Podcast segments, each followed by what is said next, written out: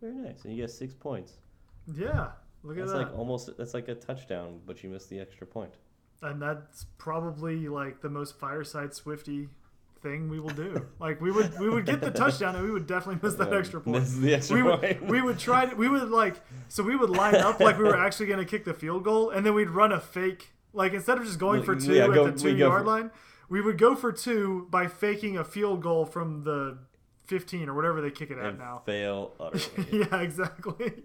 But Nice. no one was expecting it.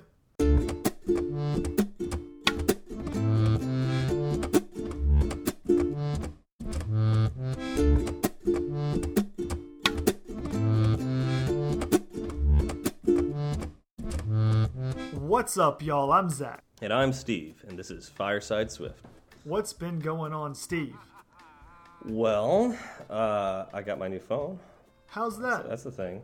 I like it. Uh, yeah, I, I really like it. Uh, so one of the things, like the first thing I noticed about it, and I'm sure everybody else who got the uh, the X have noticed, uh, is that Face ID is really fast. The what? The, The- everyone who got the what? The X. It The is X? definitely the Okay. X. Yeah, not not the ten. Yeah, it's the Okay. X. Right. Uh, I think the time will will go down with this being the X. I, I agree with you because every ninety percent of the podcasts I listen to, the people who, who the people who talk about it say, "I got my X today," or Yeah. "I'm getting my X tomorrow." I Yeah, unboxed and my X. Or I mean, it, you could say that it's the ten, and then when the next one comes out, this can be your X iPhone. Ha, That could, that could work too. I see what you did. So this there. is this is my future X. is what it is. Just one in a long line. Yeah, yep. Um, yeah, it's uh, it's it's uh, really really fast. It's very accurate, uh, and it. I just don't think about unlocking my phone much anymore. That's pretty cool. o- Yeah, only when it fails, which it rarely does. At weird angles, it'll sometimes fail. Like uh, I noticed that I guess whatever angle I look at my phone when I wake up in the morning is uh, maybe it's like the bedhead, you know, like all that's like that's that's not Steve. Do you think that's something that your phone will eventually learn? I don't know. I'm curious about that because they did say that um, they are training the uh, the net with you know it's basically a neural net in the uh, on a chip in this thing, and um, Which yeah, is- they're, Sorry, they're go which ahead. is which is what Uh, equal parts awesome and terrifying. I, I there's nothing terrifying terrifying to me about it, but maybe to some people it is. Uh, Uh, that's a lot of lot of interesting data. Yeah, I mean it's it's just a bunch of ones and zeros at the end of the day, because it's all it's you know all stored on one chip, and it's not really useful information because it's just training the neural net. That's true. Um, That's yeah. true. So, uh, but they did say that they're they're training it over time. So it's like as your look changes, that you know that learning set uh, gets better. So, and I, I'm sure I'm guessing they're not saving the you know each face that they have. They're just changing the weights of the neural net. So, um, yeah, I, I, I would assume that it would get better over time to a degree. Right. What percentage do you think uh, the face has to match for it to unlock? I have no idea. There's, I'm, 'Cause there- they have to set to that. be- yeah, they have to set like a tolerance level, like Exactly. a confidence level. Exactly. Uh, so you know, I'm. That's that's got to be internal for them, like 95 percent. Uh, so it's like a five percent error chance or something like Right. that, or 99 percent. I don't know. Like that's unless they came out and said that. I don't. I don't remember. I haven't seen it anywhere. I- anything. Did see what I thought was kind of a ridiculous news article. I think it was an article. It may have just been a, a line of tweets on Twitter. Um, which you know, news articles and, and tweets now they're all kind of the same thing, right? Yeah, kind of. Yeah. Uh, someone made a big deal about um, a pair of twins. One of the twins unlocked the other twin's phone. yeah. Yeah. They and- said that that was gonna be a problem. Right. Yeah, like, that's that's we expected that. Yeah. Um, but the big, excuse me, the big headline was, uh, blah blah blah hacks his brother's phone. yeah. I don't, I don't know if that's a hack. That's not a hack. That's not a hack. If you, if I have to get like facial reconstructive surgery to break into someone's phone, I don't think that's a hack exactly. anymore. Exactly. yeah. uh, So and, and there's there's a, I've noticed yeah since the the X has come out, there's been a lot of like the fear mongering um, Yes. articles out there. And that's kind of what Uh, I was poking fun at earlier. Yeah. Apple has all Well, of our faces. Yeah, I know. Yeah, it, actually, I was in a a Lyft uh, last night, and uh, the driver was, uh, you know, I mentioned that I got. Uh, I got a, you know, the new iPhone, and uh, yeah, they were like, "Oh, does that? That's really scary. Apple has like all our faces and stuff like that." I'm like, you, you, obviously, and this is, I think this is common. Like they, people don't read what Apple says or go, you know, watch the the keynotes like we do Right. and uh, so they don't realize that you know this information doesn't get sent to Apple and it doesn't go onto other devices. Like you train your face onto this phone, and it's only on this phone, and it's only in a special chip that's you know you know the secure enclave on that device. Right. Um, And I think- yeah, so it's yeah. Go ahead. Uh, sorry, I just keep talking over you. No, Uh, no, that's no. all good. Uh, I think that there are multiple layers as to why people believe that. Um, you're correct. No one will do the research. Uh, it's too Yeah. much work, um, and they don't care about it as much as we do. Two, Yeah, yep, they're not used to things on their phone staying on their phone. You know, if, Yeah. if they take a picture, they'll send it everywhere, right? yep. And, And so- Google, Google, and Facebook and Amazon have taught us that anything you do on your device gets everywhere else. Exactly. And so they they assume that you know phones are linked everywhere, no matter what. Yep. Um, and then the third is it just comes down to straight uh, distrust.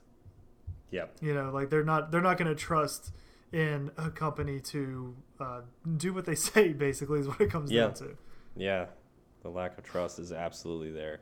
So Uh, yeah, so uh, I mean, for me, I you know I studied neural networking when I was in college, um, so like this stuff is really cool to me, and it's a really neat application of it, and I do trust Apple when it comes to that because unlike those other companies, we are not the product. Um, know, like Exactly. the, the phone is the product. You know, Apple got a lot of money out of me by me buying this this uh, hunk of metal and glass. and glass, right? Yeah. Whereas like Google gets money from me by watching what I search for and what I buy. And, They're gonna farm that data.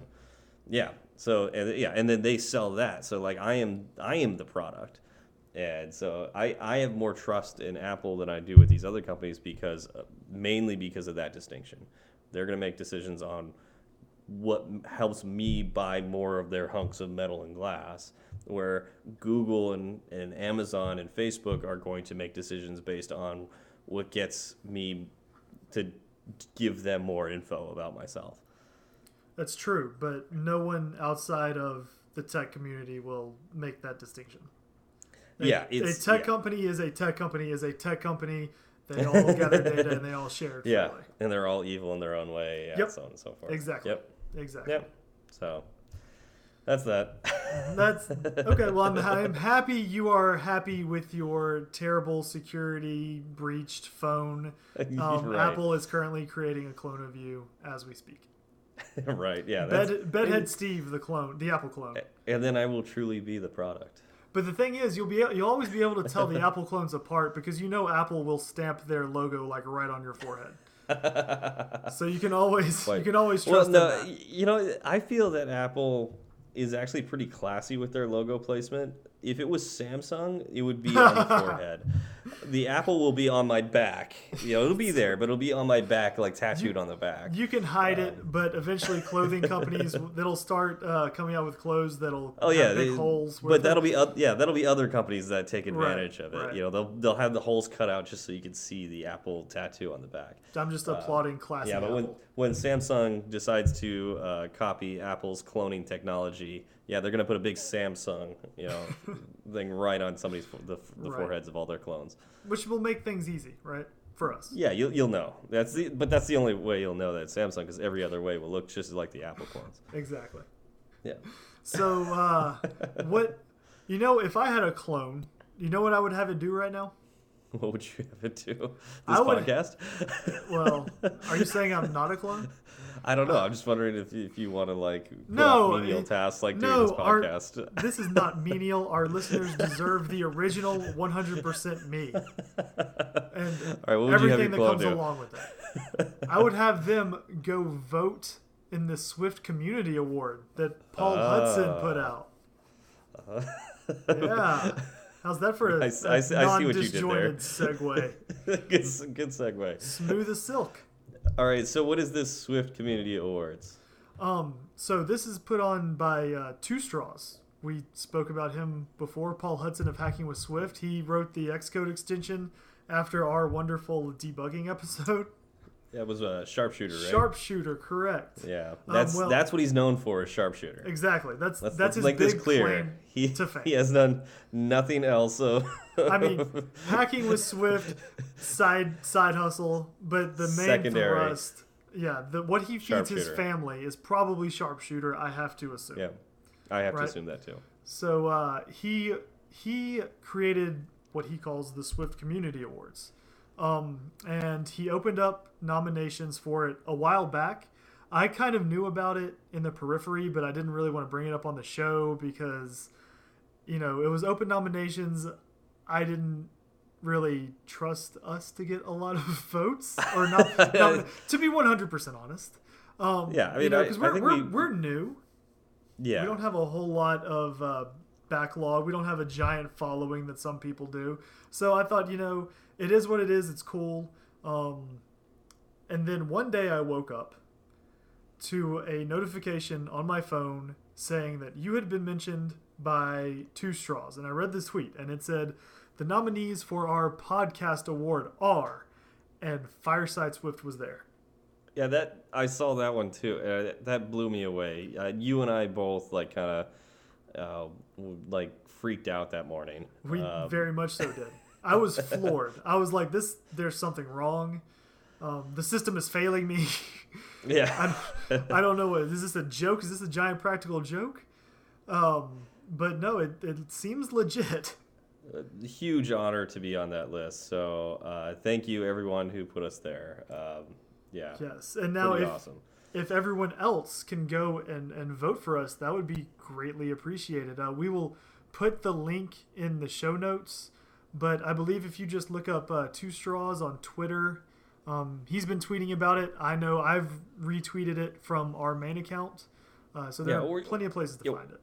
Or you could just Google uh, Swift Community Award awards. Oh, okay. And That uh, works. Yeah, that's that's what I did. I was able to find it right away. Okay. So, And uh, but uh, note that the voting ends November thirteenth. So uh, that's there's not gonna be much time between when this podcast comes out and then. So we're Fireside Swift. We we kind of live on the edge.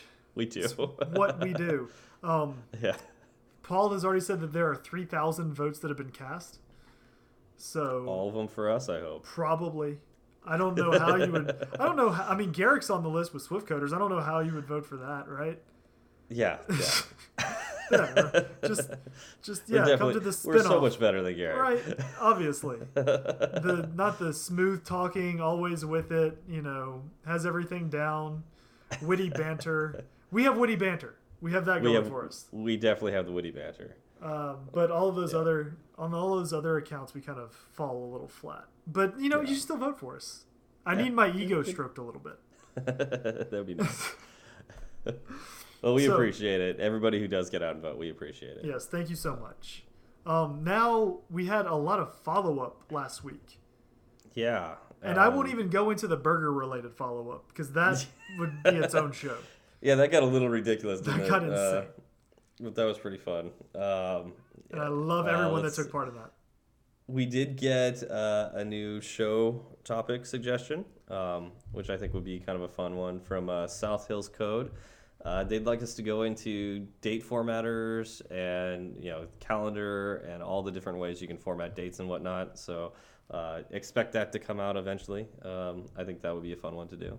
That would be good for me to do because I know that that dates are super finicky in the Java world, and um, it's really easy to break code with date formatting in it.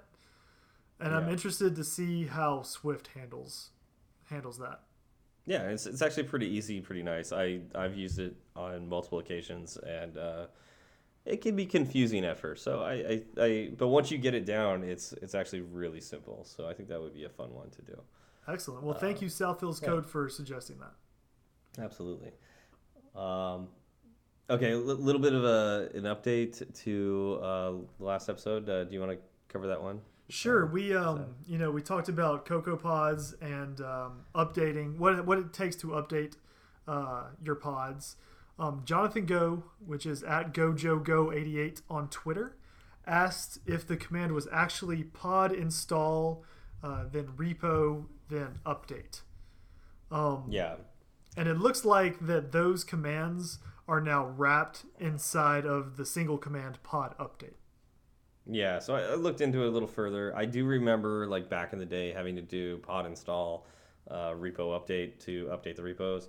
Um, but now it seems like uh, they simplified it. I don't know when that happened, if that was like the 1.0 release or something like that. Uh, but now, if you call pod update, it updates all the repos and then updates your pods on uh, on the phone on your device. Um, if you just call pod install, it will uh, just stick with whatever's in your pod lock file and Right. update those. So, Right. So it's uh, there you go, Jonathan. Hopefully you can now use pod update. Thank you for the question. Yeah. Um, So the next bit of feedback is a question that we've gotten a couple of times, and it's it's an interesting one to answer because I definitely don't want to steer people wrong with regards to what the answer is. Um, we got an email to the uh, firesideswift at gmail.com account from uh, Kevin. And basically, he said he'd been programming in Swift for about a year and he really wants to make it his career. Um, he asked if a coding boot camp could take the place of a college education and would he be able to get a, a job out of a boot camp with no degree? Um, I'd like to answer the second question first just because it's a little less charged and it's a lot simpler. and we should we should probably caveat this with we both have college degrees. So Yes. um, yeah, so just just starting that out, like there is going to be a little bit of a tint to what we have to say because we have both gone through not only getting undergraduate degrees, we have both gotten graduate level degrees. Right, Uh, so, this is going to be yeah. Not only so did we, we get don't the college education, we doubled down. yeah we, we loved it so much we went back for more. Um, Thank you, sir. So- may I have another? yeah, there's not about a lot of diversity in this, but uh, we'll go ahead and try to take a, a stab at this question anyway. So go ahead, Zach. So, would you be able to get a job out of a boot camp with no degree? I think the answer to that is definitively yes. It is very possible to go out and get a job. Um, I know of a few people who went out to a boot camp and didn't or don't have a college degree and now have a full time job as a Swift developer. Um, we are blessed to work in a field where that is possible. Um, you know, you, you can't be a lawyer or a doctor or an accountant without a college degree, right? Like it would be very hard. I don't. I wouldn't want to walk into a doctor's office and have him be like, eh, you know, I I decided I wanted to give it a shot. Yeah, That's that's not what you want, right? I went to I went to a two week boot camp, and uh, now I'm going to Exactly. do your surgery. exactly. Uh, where is your gallbladder again? yeah. Like that's Although I want to give a shout out to a, a really fun uh, podcast out there. I will will caveat this: it is very crude, so uh, if you don't like foul language or anything like that, please do not listen to this podcast. It's called the Dollop, um, and we're not getting paid by them at all. It's just a podcast that I do listen to from time to time. And in the past, uh, so basically, what the Dollop is is an American history podcast, and it's really funny. Um, and they they talk about famous people, not necessarily famous people, just interesting stories from the past. And uh, I will say there were quite a few people in, in back in the day who would basically just say they were a doctor and just do doctory things. So uh, hopefully now that doesn't happen that often, but uh, that definitely did happen. And uh, I will say that on every single occasions of, of that, the the people that were getting uh, seen to by these people did did their lives were worse because of it. so Right. right. So yeah, you want your doctor to go to college, but your Yeah. developer doesn't necessarily have to. Yeah, and and so um, you've heard us mention from time to time, if you're longtime listeners of the show. Um, Long, uh, long time listeners. Long time, yeah. Long time episode listeners. 14. If you've been listening Yeah, since yeah. episode 12, I'm sure you That's now. 14 weeks. That's a That's long true. time. That's true. Um, anyways, uh, there's a developer we mentioned, uh, Raghav. Uh, he works with me, and um, he doesn't have a college degree, and uh, you know he got a uh, Udacity Nano degree, and um, I, you know, interviewed him, and I decided that he was somebody I needed to have on my team because of what he did learn uh, from that nano degree, and uh, he he would come to the meetup that I would run, the meetups that I would run, and uh, he would ask really good questions, and uh, you know he was fully engaged and whatnot. So it was more than just the boot camp; it was the the nano degree plus going to meetups, being actively involved, and tr- you know really trying to dive into the subject um, that got him the job. So, and he's he's a fantastic developer, uh, and I, I love working with him. So I, so th- that right there proves that you don't need a college degree to get a job um, in this field. Right. And if you want to hear more about his take on it, um, he actually did a uh, he did an interview with Garric on the Swift Coders podcast. I'm not sure what episode that was, but uh, you could you could look it up and uh, listen to him actually tell you his experience in his own words. Yeah, Um, yeah. So now onto the second question. So yeah, so okay. Now the question is, can you get a job with the college degree? Yes, I think we both agree on that. Correct. But does the boot camp take the place of a college degree? I think both of us will have the same answer to this as well, and I think it's definitively no. It doesn't take the place of a college education. Correct. Um, so, do you want to take a stab on it first, Zach? Oh, real quick. Um, Raghav's episode was 55 Great. Yeah. for Swift There you go. Yep. Um, Um, okay, so this one this one is really tough. Um, it it does not because there are excuse me uh, there are a few things that a college degree will prove to a company right out of the gate that you are less likely to have if you just do a boot camp. Um, a college degree will show a company that you persevered, like you went, you dedicated yourself for good amount of time, you worked through the problems, and you did it in a way that uh, that they deemed was acceptable, right? Like you didn't you didn't uh, you know mess around. You you got decent grades and they gave you a degree, right?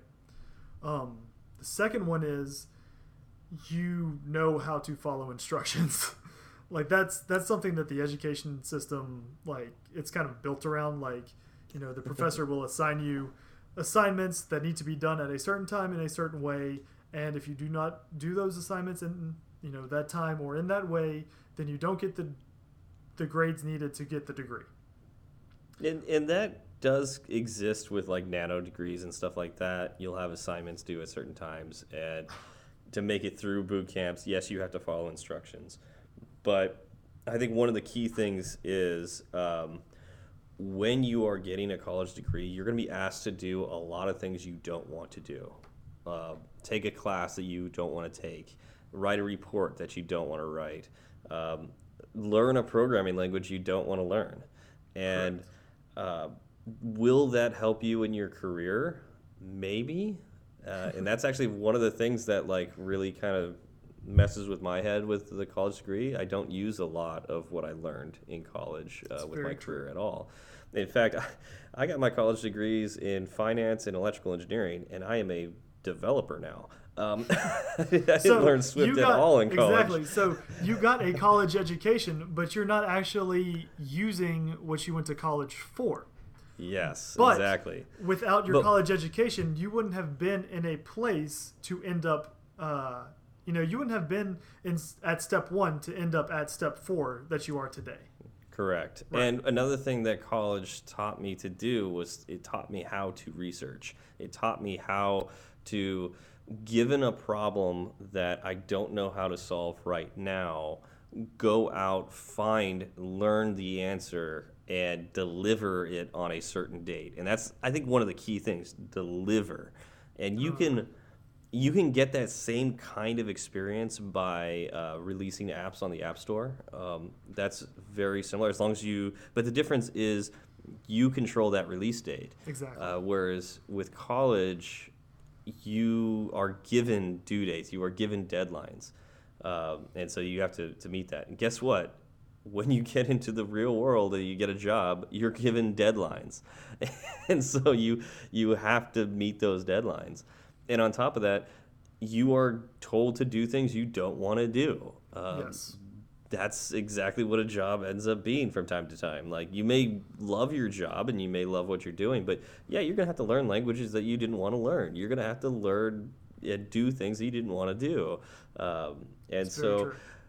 college prepares you for that. And I know, particularly from somebody who hires, it's nice. It's like it's a bit of a feel good to see that somebody does have that college degree because I know they went through those trials and they succeeded for four years or five years or six years, however long it took to get that degree.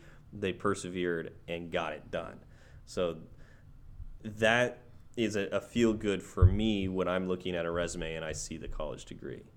Um, whereas if I just saw the boot camp, I would know that they could make an app or they could do this one thing, but not necessarily that they could, you know, do the job with all its nuances in the future. So Right. And it's it's quite honestly up to the company whether that's important or not. yeah, Um, there are some companies that, you know, with no college degree, they won't even entertain your resume.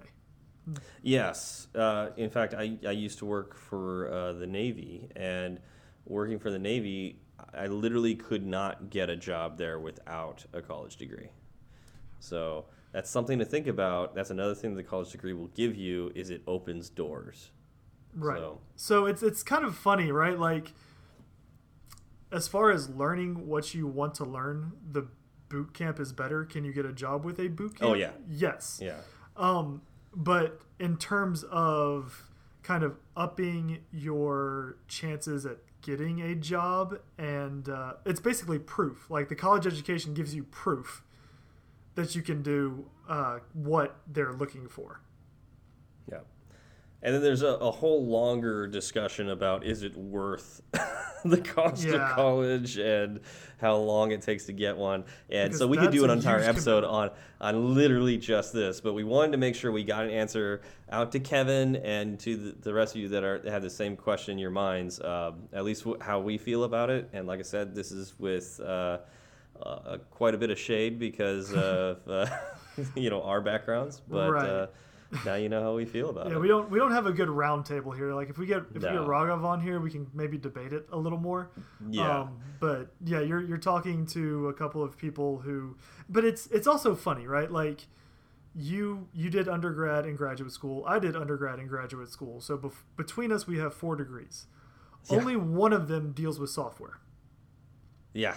So twenty five percent of the degrees deal in software, and we both have software related jobs. Uh, I mean, electrical engineering required some like learning of software, right, but especially it's not like focused on it. it's not focused on it. No, although and my uh, as my as program kind of did because I did the neural networking stuff that Right. required like modeling and sim stuff. So And as far as undergrad degrees go, um, me biology, you accounting, like fi- finance, not, or not finance. No, you're you're, account- you're an accountant. You're just a paper No, I. I only took no, I only took care of the cash flow Nope. statement. Nope, Accounting if would I- take care of all of this stuff around. I'm gonna send you my statement. taxes to do. like that's what you can do, right? Like I can just send you my taxes. you really want me to do your taxes? I I, I uh, mean be, I want be you. prepared for the IRS to audit you. I just want you to put that degree to good use. Is all. I, I did not get a CPA. Uh, I don't know. I'm, I'm legally obliged to tell you I did not get a CPA. It's it's okay. I have an undergrad degree in biology. If you need any surgeries done, feel Yeah. free to fly on out, and I'll I'll take a look. I need you to dissect a frog for me. That I can do. I've dissected. I've sliced and diced all sorts of stuff. All right, so we should probably get on to the topic we we Yes. said we were going to do for this episode, Yes. and I don't want to spend so you know forever talking Oh, about you know, frogs. we're at the fireside. We we talk. We chat. This is That's true. what we do. Okay, so this is based off of a uh, suggestion that we got. Um, well, actually, I don't remember who made this suggestion. Is Uh, this a suggestion? I don't. this was a suggestion to, to discuss networking. Um, Well, thank you. yes, thank you for. uh, We'll have to look it up later. Uh, this was probably but thank you before we started taking this. better notes. Yes, we have better notes now. So yeah. So there's no So attribution, but we know it wasn't us. So we're going to be talking about uh, networking uh, through Swift, um, and you know the at least how to use um, URL session. Correct. Uh, w- there are other ways to go about networking, um, but uh, URL session is the main Swift framework for making network calls. Right. We last last last episode we talked about uh, JSON parsing. Was that? No, the last episode was that? CocoaPods. Oh, thank you. Uh, it was Come the on. episode before we talked about JSON parsing, Yes. and uh, it- we, you know, Zach and I were kind of joking about this before this episode. We we talked a lot about how to parse JSON, but we didn't talk about how to even get the, the JSON to parse. I mean, Um, if you only just embed the JSON in your app, then everything's fine.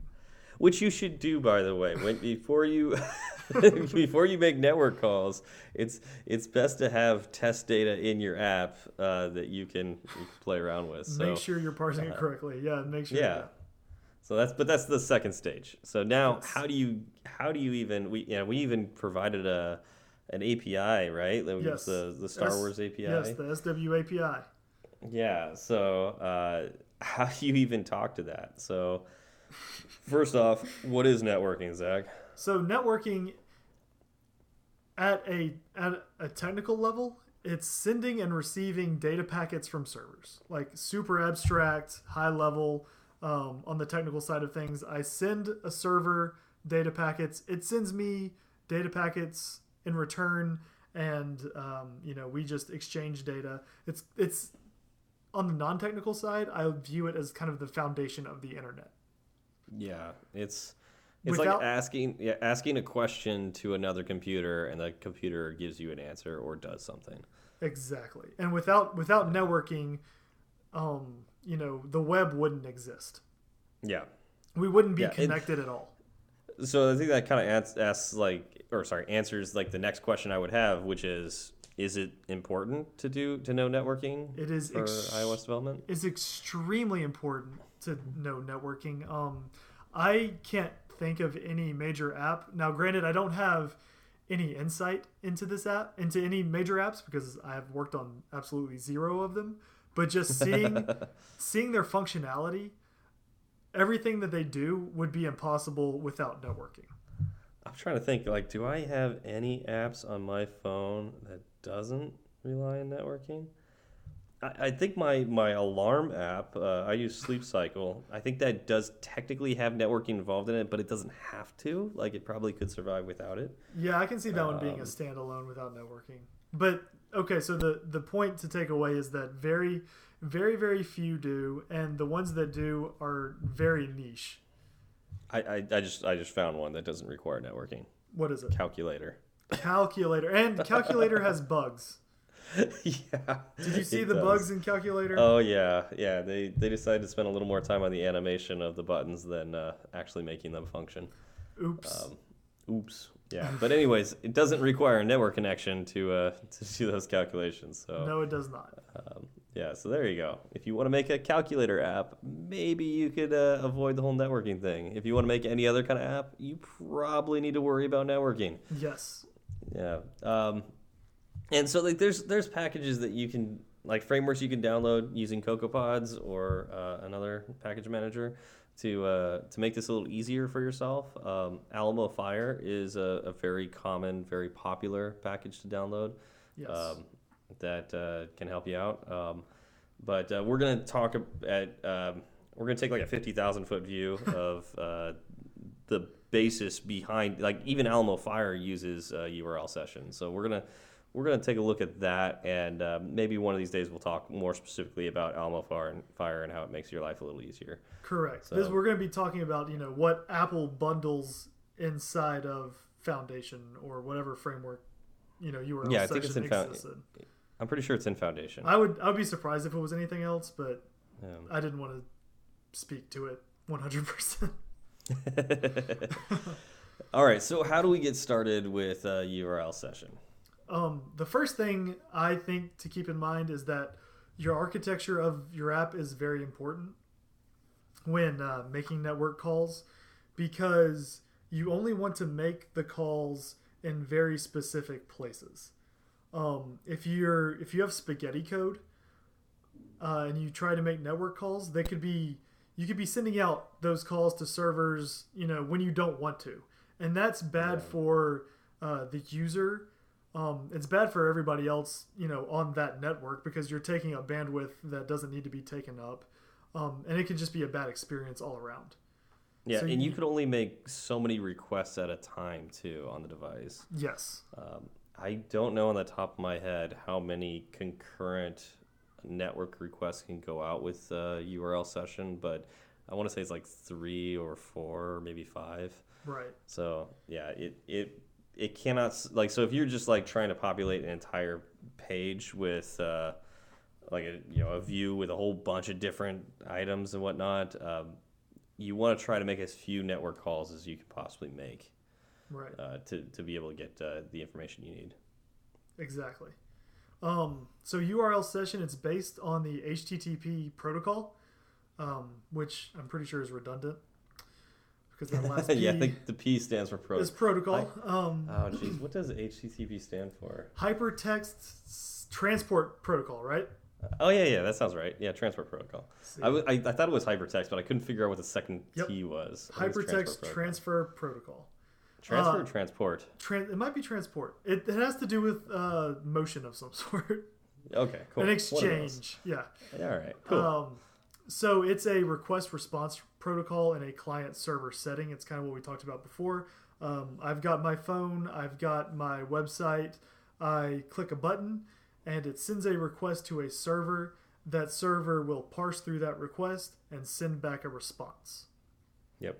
And that response can have like uh, a code, or will have a code associated with it. Um, usually, uh, anything in the two hundreds is a successful call. Yes. Like it says something like I, I received the call and here's information back with uh, and you know everything was successful. That'll be a two hundred. Yes. You know, so it'll be two hundred to two ninety nine. Yep. Um, and then in general, like you sent me a bad request would be in the 400s.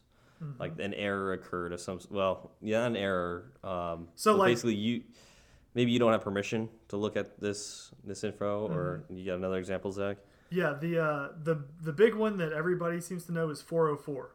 Oh yeah, page not found. So if I Page said I wanted to go to firesideswift.com slash index and the index that page just doesn't exist uh, on the server, what happens is the server checks its list, sees that that doesn't exist, will send a response back to the client with a 404. The client will then display that on the screen in some way. Yep. And then um, usually the 500 level codes, uh, like 500 to 599, are something went wrong, um, period, with the server. Like it didn't reach the server, or uh, you know, maybe it got to the server, but it, it didn't have a response back. It timed out, um, or something like that. Th- those tend to be in the 500 level. Um, Right. Like da- actually, you know what? I don't think timeouts are in the 500 level. What about Um, what about data loss? it- because if you send if you send uh, you know a hundred packets and say only forty of them made it to the server, I think there's some threshold where the server says, "I don't know what to do with this information because it is incomplete." Yeah. Yeah, and like another thing too is like sometimes the server's code crashes. Like there's a bug in the server code, and so that can often return a 500 error as well. Yes. Um, so usually when I when I think about these things, if I get a 400 level error back, that means I did something wrong. If I get a 500 error back, I think the server did something wrong. That's generally how I think about it. Um, and then there's a whole bunch of other error codes out there. Now, another, another part of this too is like these error codes can be customized for the server that you're talking to. So it's possible that you know that an error occurs on the server and they still give you back a 200 like because that's just they, they didn't think about it like Right. they're not they, they didn't code it correctly or in, in a way that's used to used by the community. Um, that would be an anti-pattern, and you do see anti-patterns all the time Yes. in coding. So something to be aware of uh, that that could happen. Yep, it's always good to take that kind of stuff into account. Yeah. Um, okay, so I sent my request. Well, okay, so like we talked about requests, requests and responses, but like, do do I need anything to get started? Like, I mean, I I need to build these objects before I can do that, right, Zach? Yes, yes. So are you talking about uh, like creating a URL session object? Yeah. So I think that's where we need to start here. Yes. Is uh, we need to talk about the URL session object. Right. So so you will create a URL session object, um, and each session object can coordinate a different data transfer task. So you can have multiple session objects to do different things in your app. Correct? Correct. Okay. Although that's not typically how it's done. Uh, usually you have one session object. At least in the apps that I've worked on, I usually have one session object.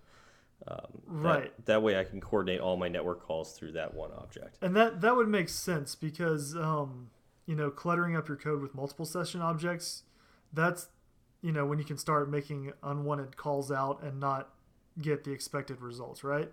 Like Yeah, it'd, be, it'd be real hard to debug. Uh, you know, okay, well I got three things back just now. Where did they come from? Yeah. And why did I get three things back? Yeah. yeah.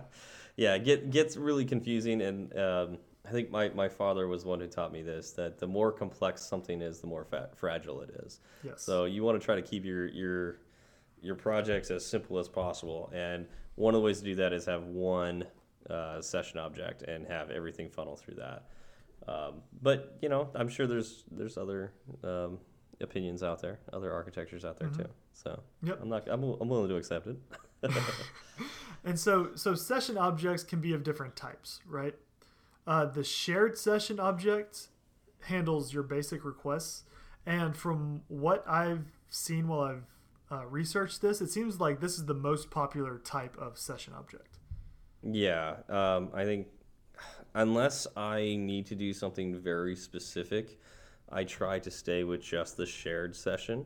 Um, so this is like uh, you call like when you create it, it's just URL session dot shared, and that gives you back the shared session uh, for the app, uh, and it takes care of almost all of your needs if you're doing basic requests. Um, it's only if you get to weird stuff that um, like authentication things that you want to uh, add head- headers to, or uh, I'm trying to think. Uh, you're downloading large large things from from the web, and like you know something that's like a a gigabyte or something like that. You want to keep track of like.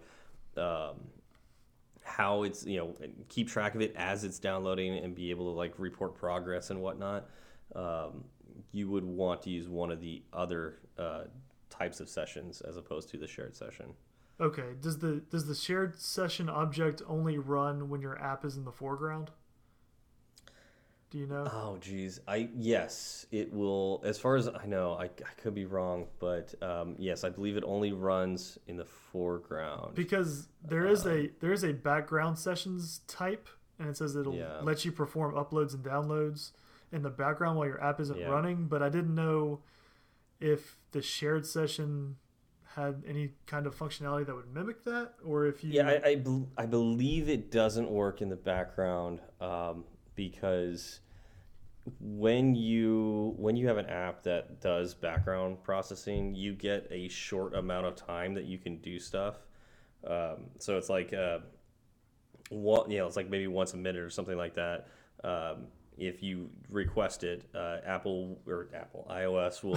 uh, it's not just their, you know, Apple has better things to do than, than do this. But uh, the the iOS operating system on your device um, will specifically open your app uh, in the background and say, "Hey, do you want to do anything?" And you would go, "Yes, I want to make a network request." And um, you know, the iOS would be like, okay, great, make your network request, um, but like, know that I'm going to shut you down in a little bit, and so you can, while the network request is going, you could be checking like how much, do, you know, am I getting get closed soon? You know, like how, how much time do I have, and then um, sometimes like the background session will end before the network request gets done and you need to be able to tell that session's like all right kill it. I you know i don't have time to make that you know finish that call. Stop downloading and back out. So like you need more control uh, and that's that's why you would need more than just the shared session Okay. Okay. because like cool. for, for one like one of the this, one of the main things about the the shared url session is you don't get to set a delegate so there's a delegate that can go along with these url sessions that uh, has methods called on it that can do more like Mm-hmm. just gives you more information gives you a little more control Okay. and you can't set that if you use the shared session so Okay. that's one of the reasons you would go with one of these more complex uh, versions of the session object I see. And the uh, the other two session objects I found, or the other types, two types of session objects I found were uh, defaults, and that'll let you get data back incrementally, which Okay. I thought was interesting. I'm not sure what the uh, what the um, how they implemented that, the implementation, um, but it seems like I'm trying to think of a time when I would want data back incrementally, like instead of all at Well- once. Is I think that would be like I've got a very large object I need to download, and so I want to get pieces of it, and then like let's say you So you download start- the background, you cache you cache Yeah. like that section, and then once you the background session starts up again, you down you you request the next pieces of that thing you were downloading before. Okay. Okay. And then the other one that I thought was really interesting was ephemeral sessions, and that won't write data to caches, cookies, or disks. It's like you're working like you're working in incognito mode. Yeah, that's interesting. I, I didn't know about that one, so Like- that one's interesting. Yeah, so I wonder so you get your data and I guess you can manipulate it in some way, but none of it ever actually makes it, you know, to anywhere that people can see. Uh, that's- Unless you that's- save it yourself, yeah. I guess.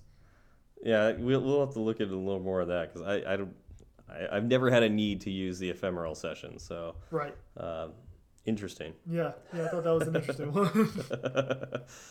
yeah, but like okay, so like one of the things that we generally say on this podcast is like what's the most useful, and I would say by far you're gonna want to use the shared session. Um, any of these other ones will require a lot more boilerplate boilerplate code and uh, just a little more understanding of how these things work, and you really don't need most of that stuff. I think for ninety percent of you out there, uh, you'll want the the shared session. yep. I agree. So I agree. yeah. Um, so then you use your sessions to uh, run tasks, right? Or how, Yep. what would the, the cro- proper vocabulary be for that? Um, I would say you would basically. Uh, uh, that sounds right. Okay, I'll, ta- I'll take it. I'll Yeah. take it. I just wanted to make I- I sure don't that know. I, I wasn't. Uh, I don't know if I know the proper. That's fine. If Yeah, you know the proper, if any anyone Yeah. listening knows the proper uh, vocabulary for that, be sure to hit me up. Sure, no idea. Yeah, um, not- not- but you, yeah, you create task objects and then you give the task objects to your session object and you tell them to run. So you have you have your data task, which will send and receive data using NS data objects, and that'll be uh, if you have short and like interactive requests to the server. And this is the one I'm, I'm most familiar with because the APIs that I work with, um, you know, they, they need to receive data and then they usually want to send data back to me. And so I'm almost always working with data tasks. And so if we talk about the, the Star Wars API we were talking about before, um, like most of the, the API, you'll be using data tasks to, to get that data back and forth to that, uh, that API. Yep. Yeah, and that's I feel like data tasks would take care of ninety percent of what you want to do. Probably more Yep. than that. Um, the next one it would be an upload task, and it's like a data task, but it will actually send the data to the server in the form of a file, and you can also upload in the background while the app isn't running. Um, it, and I actually I wonder if there's some automatic stuff that goes along with this, and this is where I'm unfamiliar. Um, and it'd be great to hear from somebody you know um, more experienced than uh, than I about this. Uh, how much work do you need to do to uh, to enable that background upload, and same thing with download, the background downloading. Um, how how much do you need to know about whether the app is in the foreground or background? Right. or if it takes care of it for you. Mhm. That'd be really nice. And so the the opposite side of the upload task would be the download task, and that can download data in the form of a file. Um, and it supports. This is what I thought was interesting. It supports background download and uploads while the app isn't running. Well, that's interesting. So the Hmm. upload task will put the file on the server. The download task can pull that file from the server, but it can also upload a file to the server in the background. I, that's interesting. I, w- I wonder why that is the case, but Yeah, it's that's. I thought that was really strange. Like it, it seems like you're um, commingling uh, responsibilities. yeah, no, I'm, I'm sure there's a reason for that. But I, in my experience, I, I don't think I, I've only used upload tasks and download tasks sparingly. I almost always live in the data task realm, so I'm not as familiar. So I, I honestly don't know. That's very strange. yeah. One important fact to think about when you're using network requests is that they're asynchronous. Yes. And that's- really important. Very important because yeah. usually you write code. If you're writing a function, you write, I want, you know, this to happen, and then this will happen, and then this will happen, and then I will return this value that I got by running those first three steps. Um, Yep. You make an asynchronous web request, and you know you'll call that, and then all of these other things will happen before that request comes back because it takes time to send the data packets from your device to the server. The server has to manipulate uh, or read that data in some way and then return its response, which your device then has to read uh, properly and you know check the the uh, confirmation or the code, the return code, and then you know show what needs to be shown. Um, and there's a lot that can happen in that time Yep. and so if you're expecting results to be there in like the next line of code, so like you made your your network request and then on the next line of code you said, "Okay, now from that network request, I want you to take this value and do this thing to it. I want you to add 5 to it." That value will probably not be there. Yeah. In fact, uh, it's almost guaranteed to not be there because Yes. it takes it takes a while to get to the server and come back, and then yeah, if you're running that line of code right after you make the call, it's it's almost guaranteed not to be there. Right. So in Swift, you'll want to use a completion handler. So you'll uh, you'll have a method call at the end of that that network request, and then once that network request is finished, it you know your completion handler will, will fire off, and you can do whatever you need to do with the values you got from the server.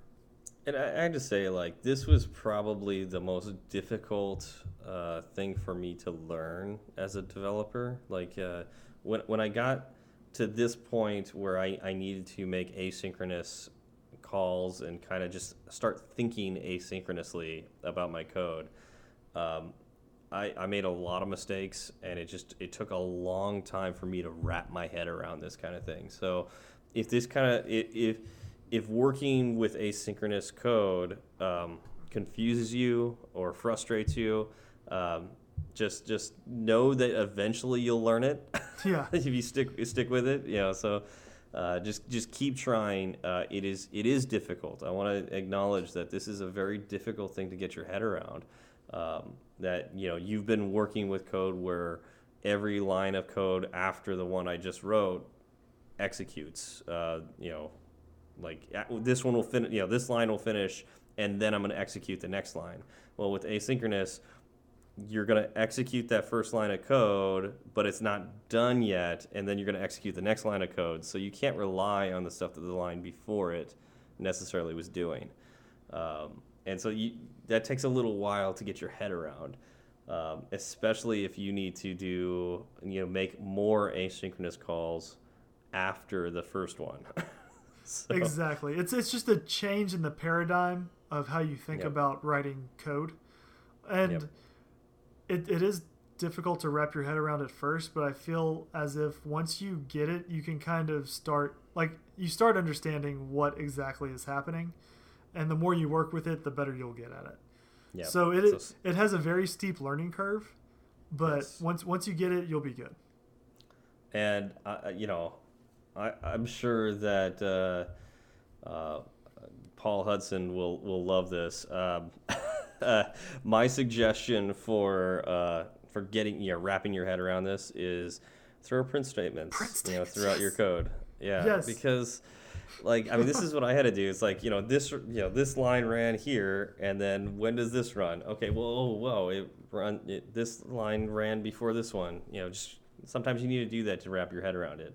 Um, this is where breakpoints would have a difficult time uh, because uh, if you're running asynchronous code, you're trying to test your app. Um, you need it running in real time. Like, how long does it take for uh, you know the network to, to round trip back? and you want to see when those things get done. Um, so you can't quite do that with putting a breakpoint and then stepping through the code. Um, yeah. So, anyways, uh, yeah, I'm, I'm sure Paul will love that. And oh yeah, no. Well, the, the fun thing is with those breakpoints is you see you see behavior that, or sorry, not the breakpoints, print statements. You see behavior that you did not expect, but I think the the important point you brought up that you kind of glossed over is the timing. Yeah. Like you'll see a print statement sandwiched in between two other ones that you did not expect, or it'll take a really long time for one of those print statements to show up in your console log. Yeah. Well, yeah, and that's another thing. Like, uh, you you set a timeout, and I there's a default timeout time for uh, making requests, um, which I don't remember what, what it is. I think it's like 60 seconds or something like that. Um, but yeah, it's it's when you send a request, there's no guarantee when that time when it's going to come back with a response. You can guarantee that after a certain amount of time to abandon and just like say it timed out. Like you, you know, you're not going to get a response. Uh, but what do you do then? so you Yes. got to be able to handle that. Um, exactly. So it, it, it, is a little difficult to wrap your head around this particular aspect of making network requests. Um, do you know if there's any way you can actually make them synchronous? Um, there used to be a way um, with NS URL connection. Um, there was a synchronous and asynchronous uh, network calls. Uh, but if I remember right, I could be wrong. I, you know, maybe someone will, will correct me on this. Um, NS URL session. Well, oh, sorry, URL session. They dropped the NS. uh, URL session can only make asynchronous calls. Okay. And I think that's just because you should do them asynchronously. I was Like, about to this say is it's just, better. yes. There's really no situation where making a synchronous call would be better. Um, if you are doing that, like you would, now you got to worry about what thread you're on and so on and so forth. Like you really shouldn't have to think about those things. Right. Like on the Um, on the surface, you're like, no, I'll just make it synchronous. Everything will make more sense, Yeah. and it will just work. Um, well, you also have to remember that while you make that synchronous, uh, your UI is going to hang. Like Yes. no other no other uh, performance will happen until that network request comes back. Yeah. Um, it'll make for a really unfortunate user experience. Yeah, Uh, imagine like for 30 seconds at a time, you can't use the use the interface at all. You can't touch buttons. You can't scroll. You can't do anything. That would be terrible. And not only that, your user has no idea what's going on in the back end. Yeah. They just think Yeah. that, oh well, you know, I pushed this button. I see that I tapped it. Like you there would probably be some animation that would happen. yeah, Uh, but then it would like get a little hung. spinner or something. Yeah. And they would they would just think, okay, well this is broken. And they would Yeah. never open it again. Yeah, that would, yeah. So definitely don't want to do synchronous. Although it would, I mean, what, what's one of the great things we have with Swift is playgrounds, but making asynchronous calls with playgrounds is really really hard. so. Well, I wouldn't say really, really hard. Uh, Google it. Um, I don't know it on the top of my head. There's a couple lines of code you can put on the top of your, your playground that prevents it from just ending right away. Um, and you could you would also want to disable the autoplay part of playgrounds because you know playgrounds will try to run your code like with every button you push, like every new character that you create. on it. So um, you don't want it making like all those network requests uh, and then also like the playground's going to finish before the network request comes back so what you want to do is you want to disable autoplay and then also make it so the the playground continues to run uh, until you tell it to stop and I, I, again, I don't remember what the command is, but Google it. Uh, enough people have done this. It's a few lines of code that you put on top of your playground. You're able to make asynchronous calls. Yep. Perfect. Yeah. Okay, so we dug into the top level. Um,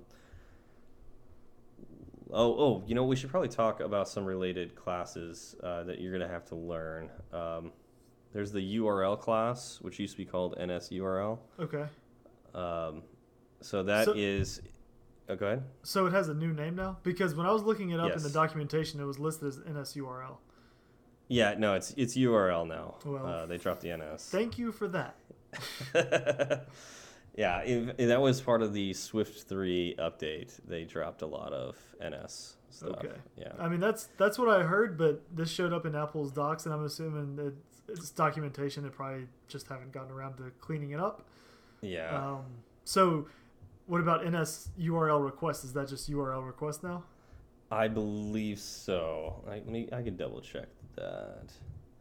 Uh, Because URL. it's funny in the next line they have URL Yeah. response, and it wasn't Yeah. NS URL response. I thought that was kind of weird.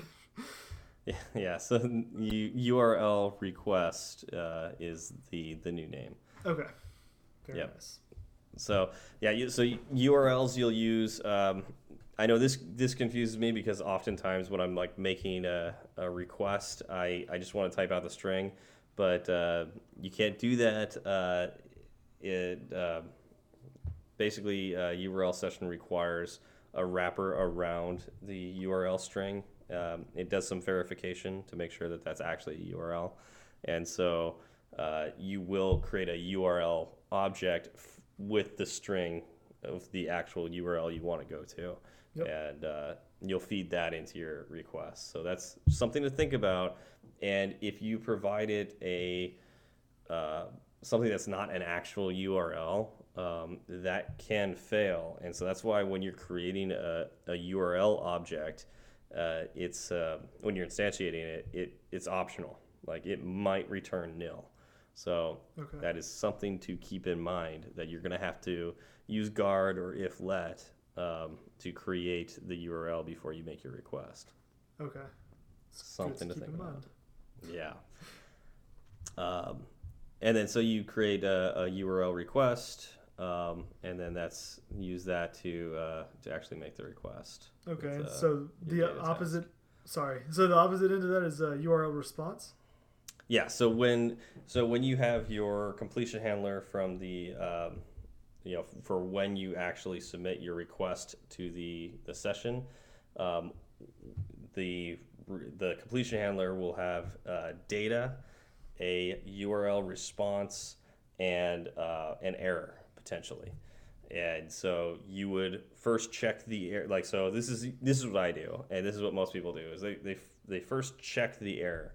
If the error is nil, um, then you continue on.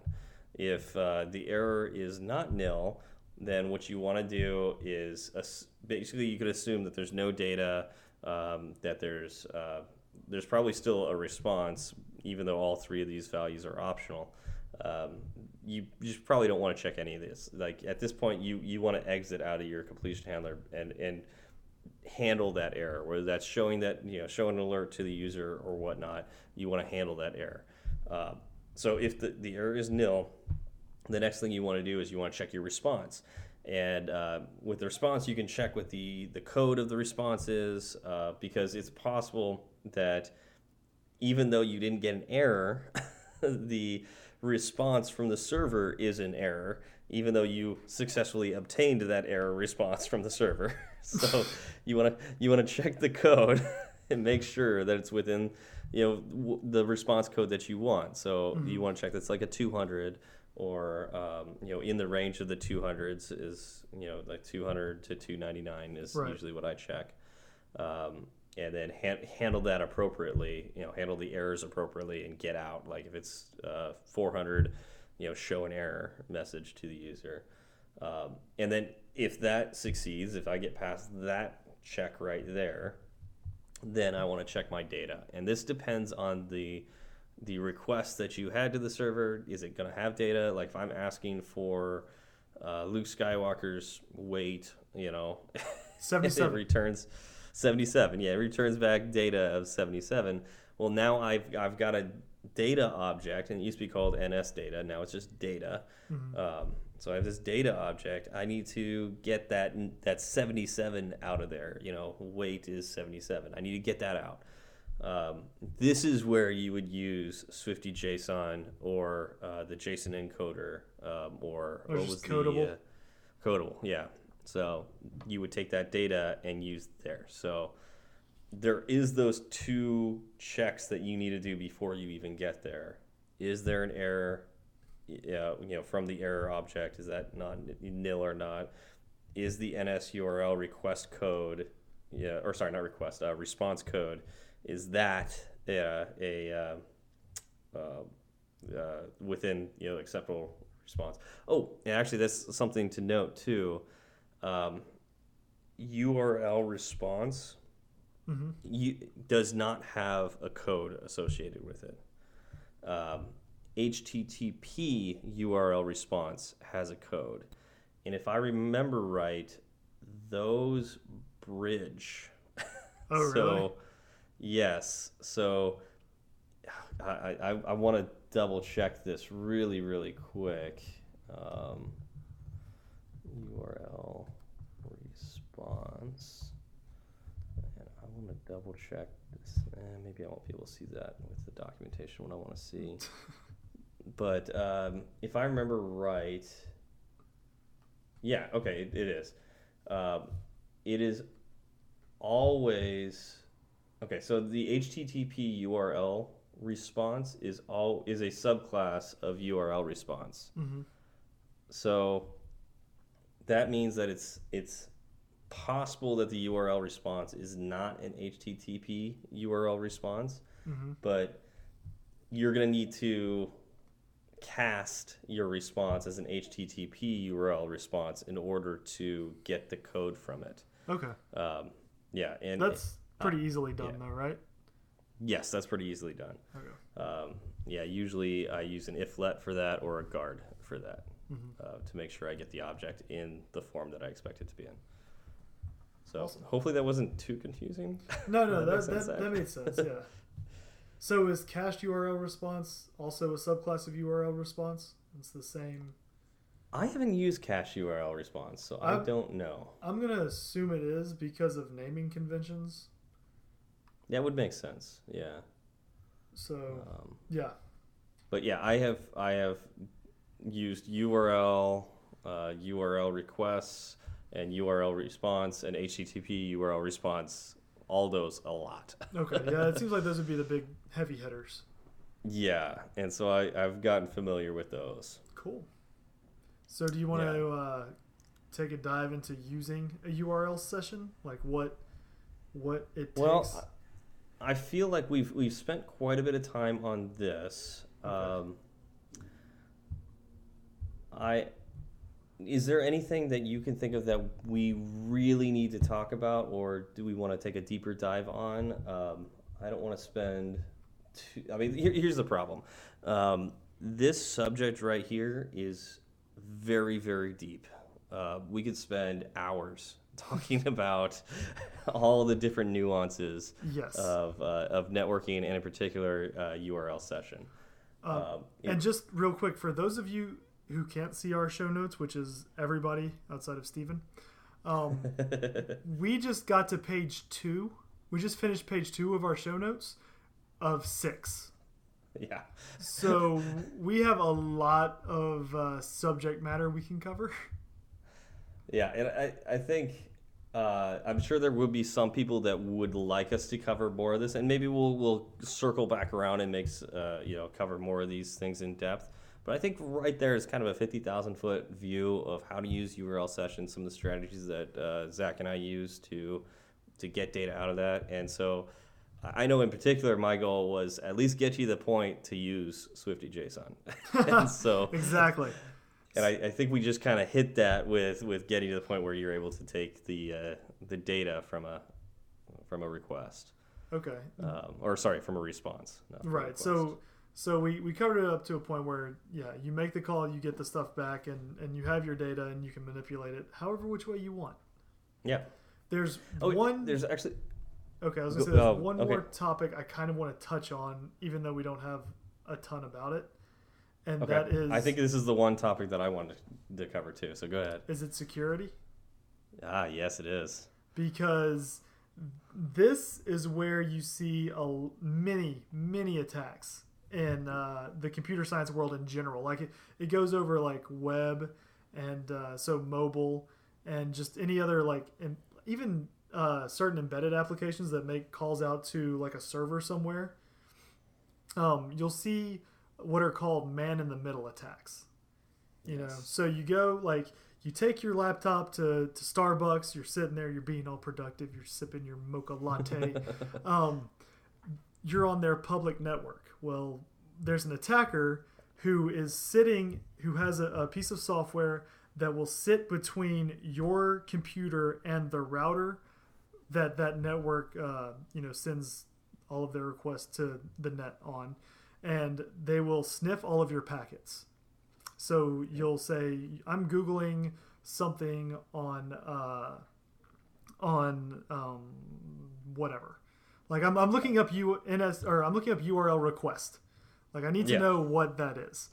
Um, you send that those packets off. The attacker can sniff those packets and see what your information is, and not only that, they can see the uh, response back from the server, and Yeah. they can pass all of that data on to you unmolested, and so you don't even know that you were just hacked.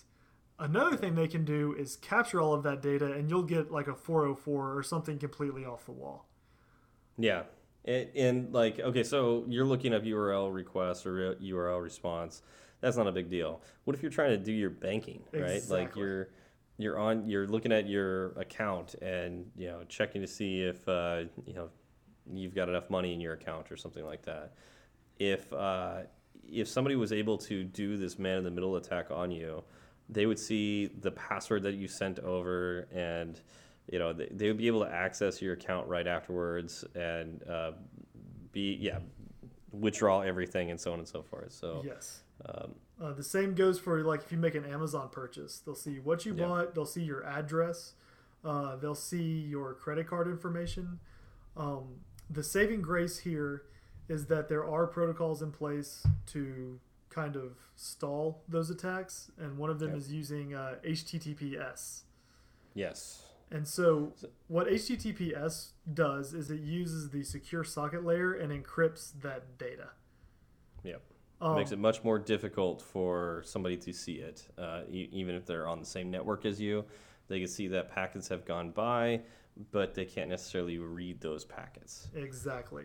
And the good news for you is that um, ever since iOS 9 and OSS or OS X 10.11, see even you say os x instead Yep. of os 10 yep, exactly. uh, I figured we might as well keep it consistent, right? Uh, so Apple introduced a feature named App Transport Security, and by default, it makes all of your HTTP connections uh, through URL session.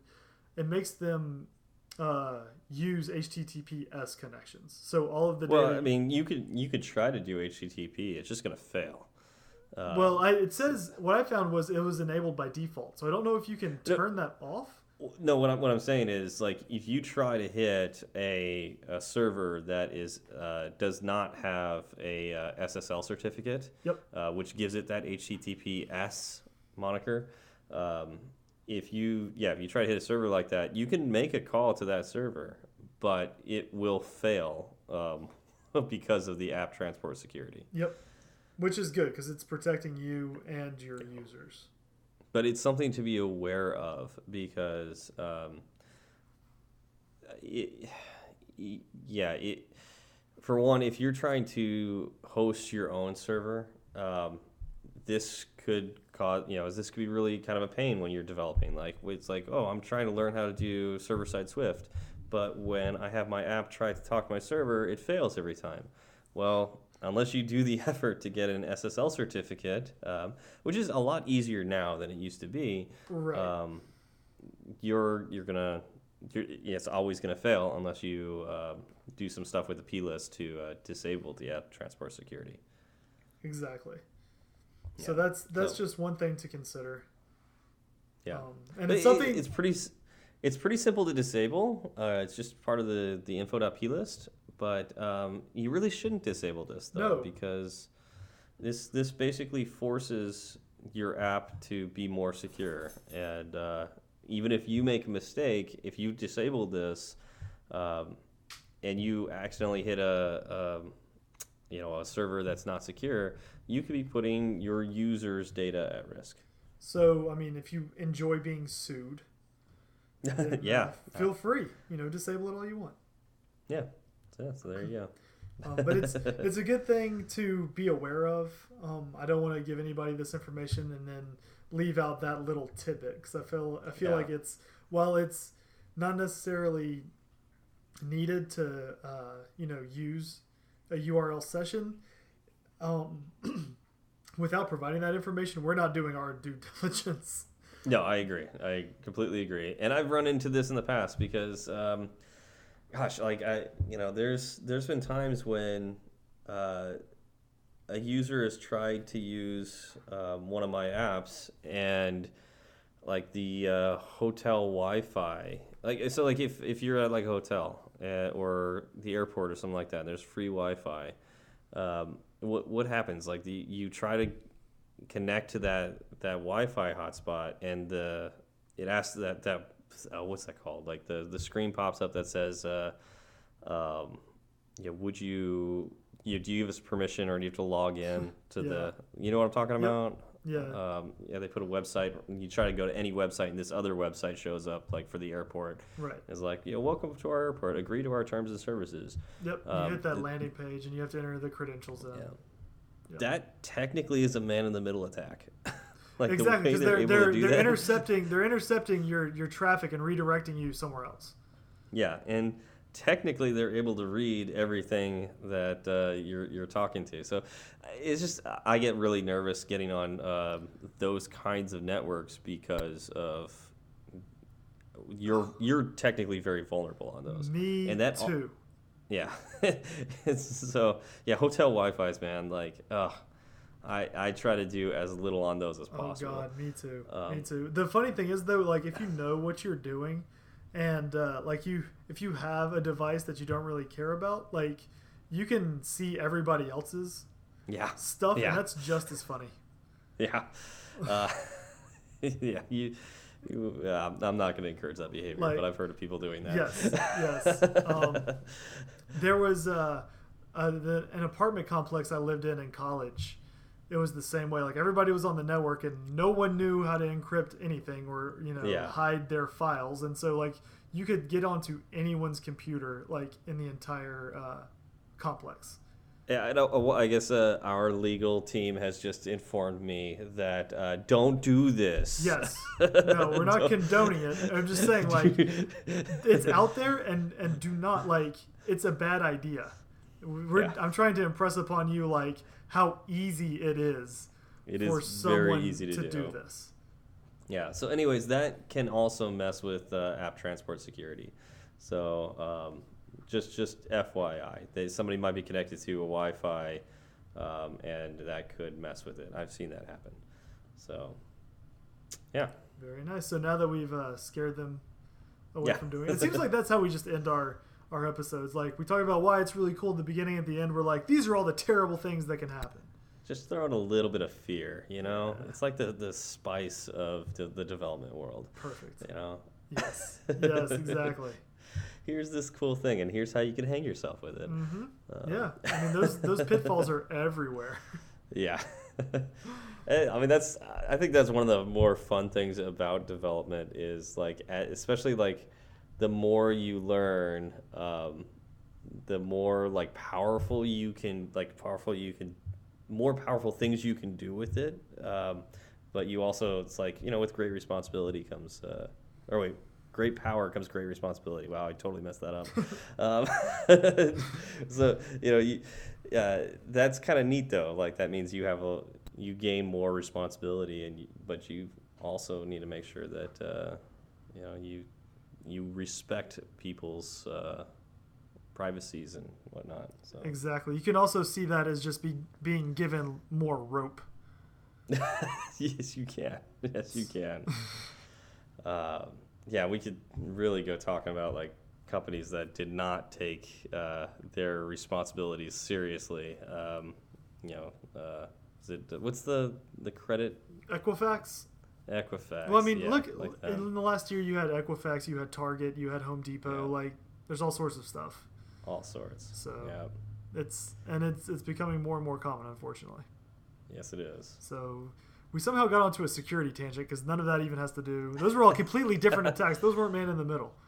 You're right. Those those were different, but so yeah. Anyways, Security, do, do it.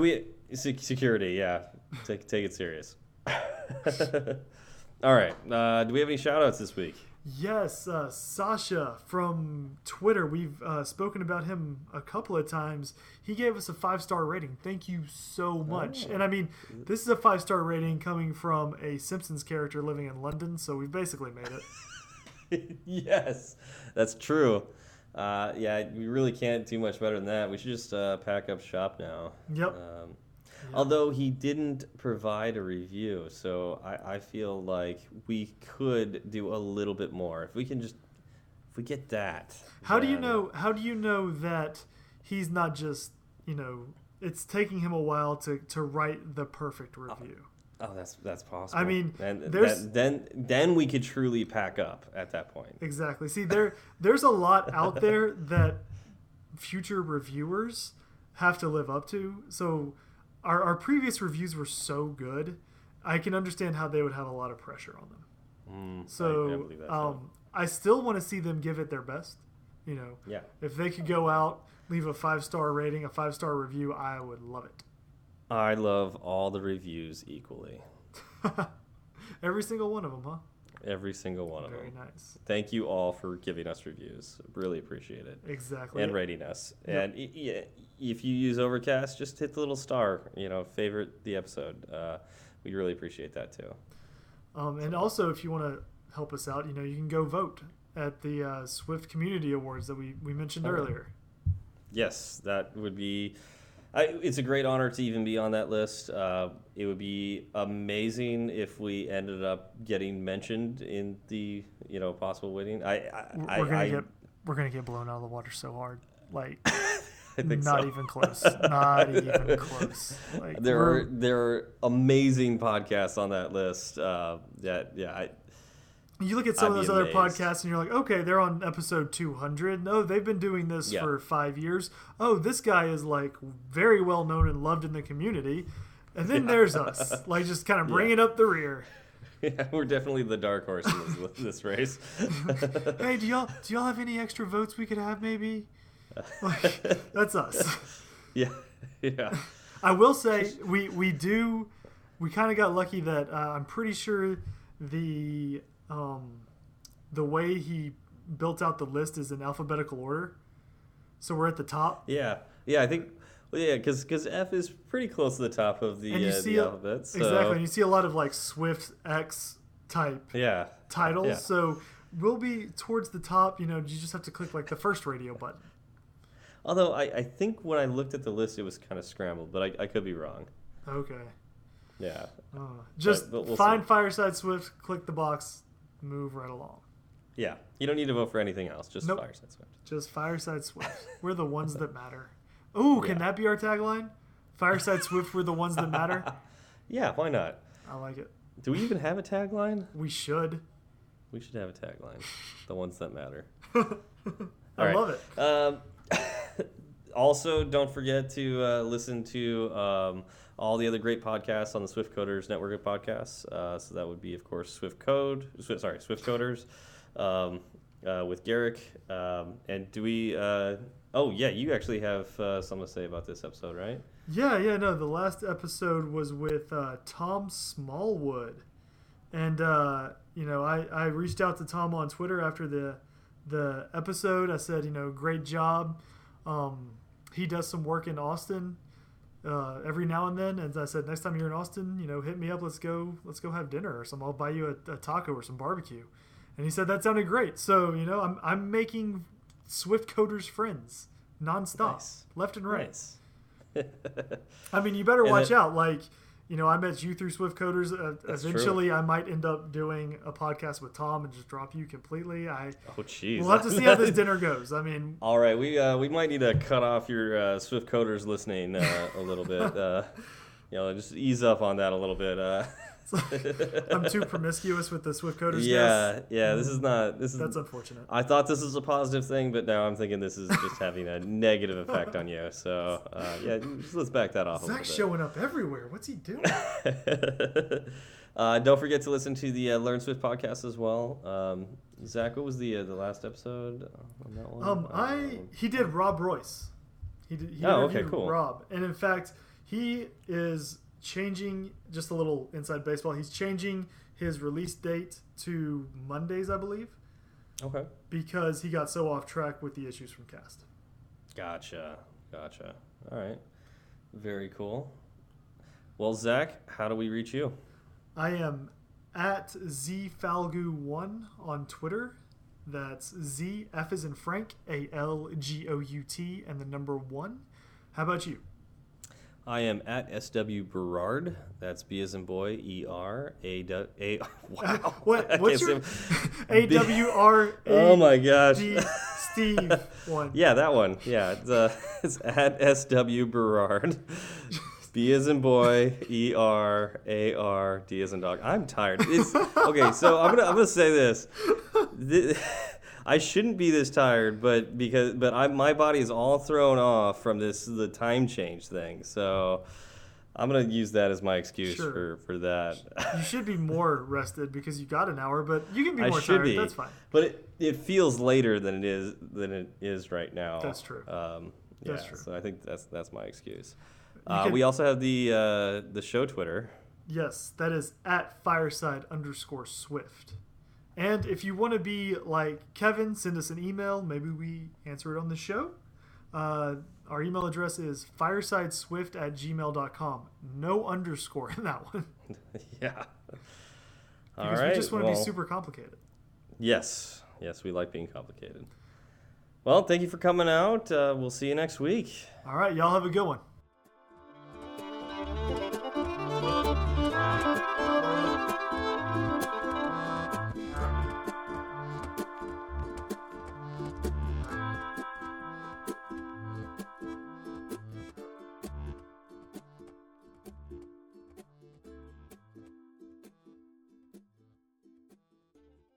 Disney's got the that technology that they think is good enough, but really isn't. Is No. uh, the There's the Way too the much Uncanny CGI. Valley.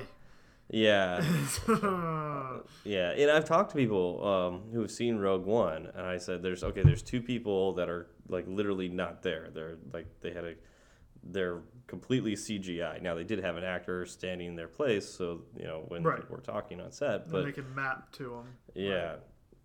And uh, this one guy who I said, you know, I told him about it before he saw Rogue One, and I said, all right, tell me at the end, you know, what you think.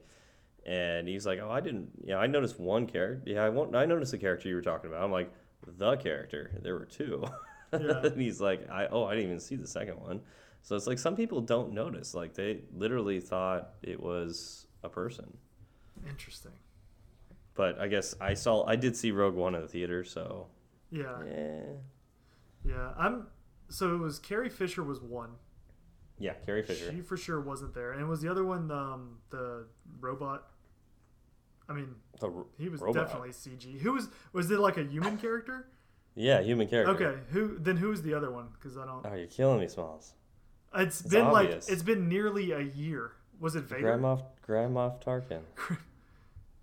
Oh yeah yeah yeah yeah. No no no no. Very much Yeah. so. Now I remember. Yeah, it's like su- to me it was like super No, that obvious. yes, that was very very obvious. Yeah. Very and very so like obvious. And I was okay. I was just trying to remember the yeah. characters in that that movie. I saw that last December, so yeah, well same here. I only watched it once because I didn't like it. Um, right. But then you also had that conversation. Yeah. yeah. So yeah, it was a. yeah, it, it's it, it's really good. Like they get so close to being like looking real. Uh, but it's just it's there's something about it that isn't quite right. Like you mentioned, Uncanny Valley, like just just not quite right, and it's just like oh, I couldn't stand it.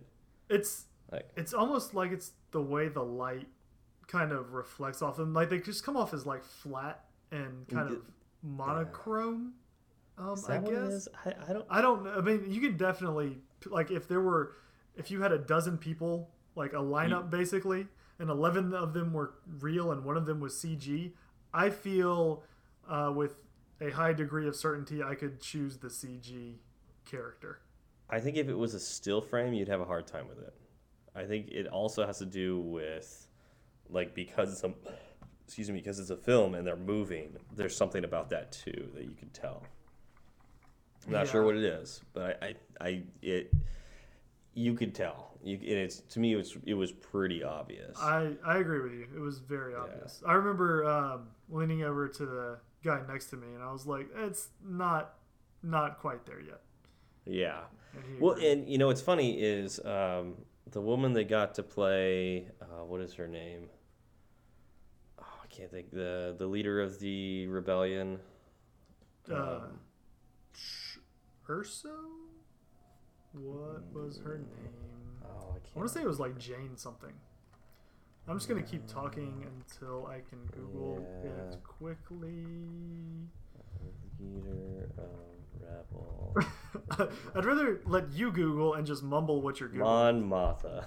Mon, Mon Mon, Mothma. Oh oh, oh, oh, oh, oh, oh, oh. I see. Yeah. I thought, Anyway, I thought so- you were talking about the lead character of Rogue, Rogue One. No, no, no. The the woman who was in charge of the the Rebel Alliance. And Okay, uh, yeah. So she was obviously not the same actress who played in the original Star Wars. Yes. But they found a woman who looked very close, and it was believable, and it would. And she was literally there, act, you know, in the movie. Yep. Um, I wish they did that with uh, with Leia and with uh, Mon Mo- or and with uh, Grand Moff Tarkin. Um, I don't now- know. Tarkin would be hard. Tarkin would be hard. That would be really, really hard. but I would have preferred them picking somebody who looked close and pretending that one was, and just like make you know, letting the actor and everything like make us believe that that's Grand Moff Tarkin, as opposed to trying to fake it with CG, where it's just like I'm just weirded out by it. I think it's okay to be weirded out by Grand Moff Tarkin. Uh, yeah, that that, that might have actually played into it a little bit. Maybe, maybe, but I just felt like I was watching a cartoon. It's like Yeah. everybody's walking around this cartoon saying like, "There's nothing wrong about this." And it's like, yeah, there's something definitely wrong about this. And I wonder how much, how hard it would be if you get someone who looks 90% like Peter Cushing. And, uh, Yeah. you know, you film them. How hard is it in post to bring that 90 to 100? Yeah, I don't know, but I mean, yeah, I don't know. Yeah, and I, and I, like I guess what I'm saying is, I would rather it stay closer to the ninety percent than if going to hundred percent makes me not believe they're even there. Yeah. No, I, I agree with you. I'm just, that's what, I, and that's why I was asking, like, with the amount of work that would have to be done to get that 10%, would it completely ruin the effect? Or would it make it ultra believable? And that's really what it comes down Oh. to. Yeah, I don't know. I, I If only we yeah, knew someone. if only we knew. Why are you saying you know someone? Um, we know someone who may have some answers. We And it's Rocky. it's Rocky, and the other dog that's walking by the door. Yep.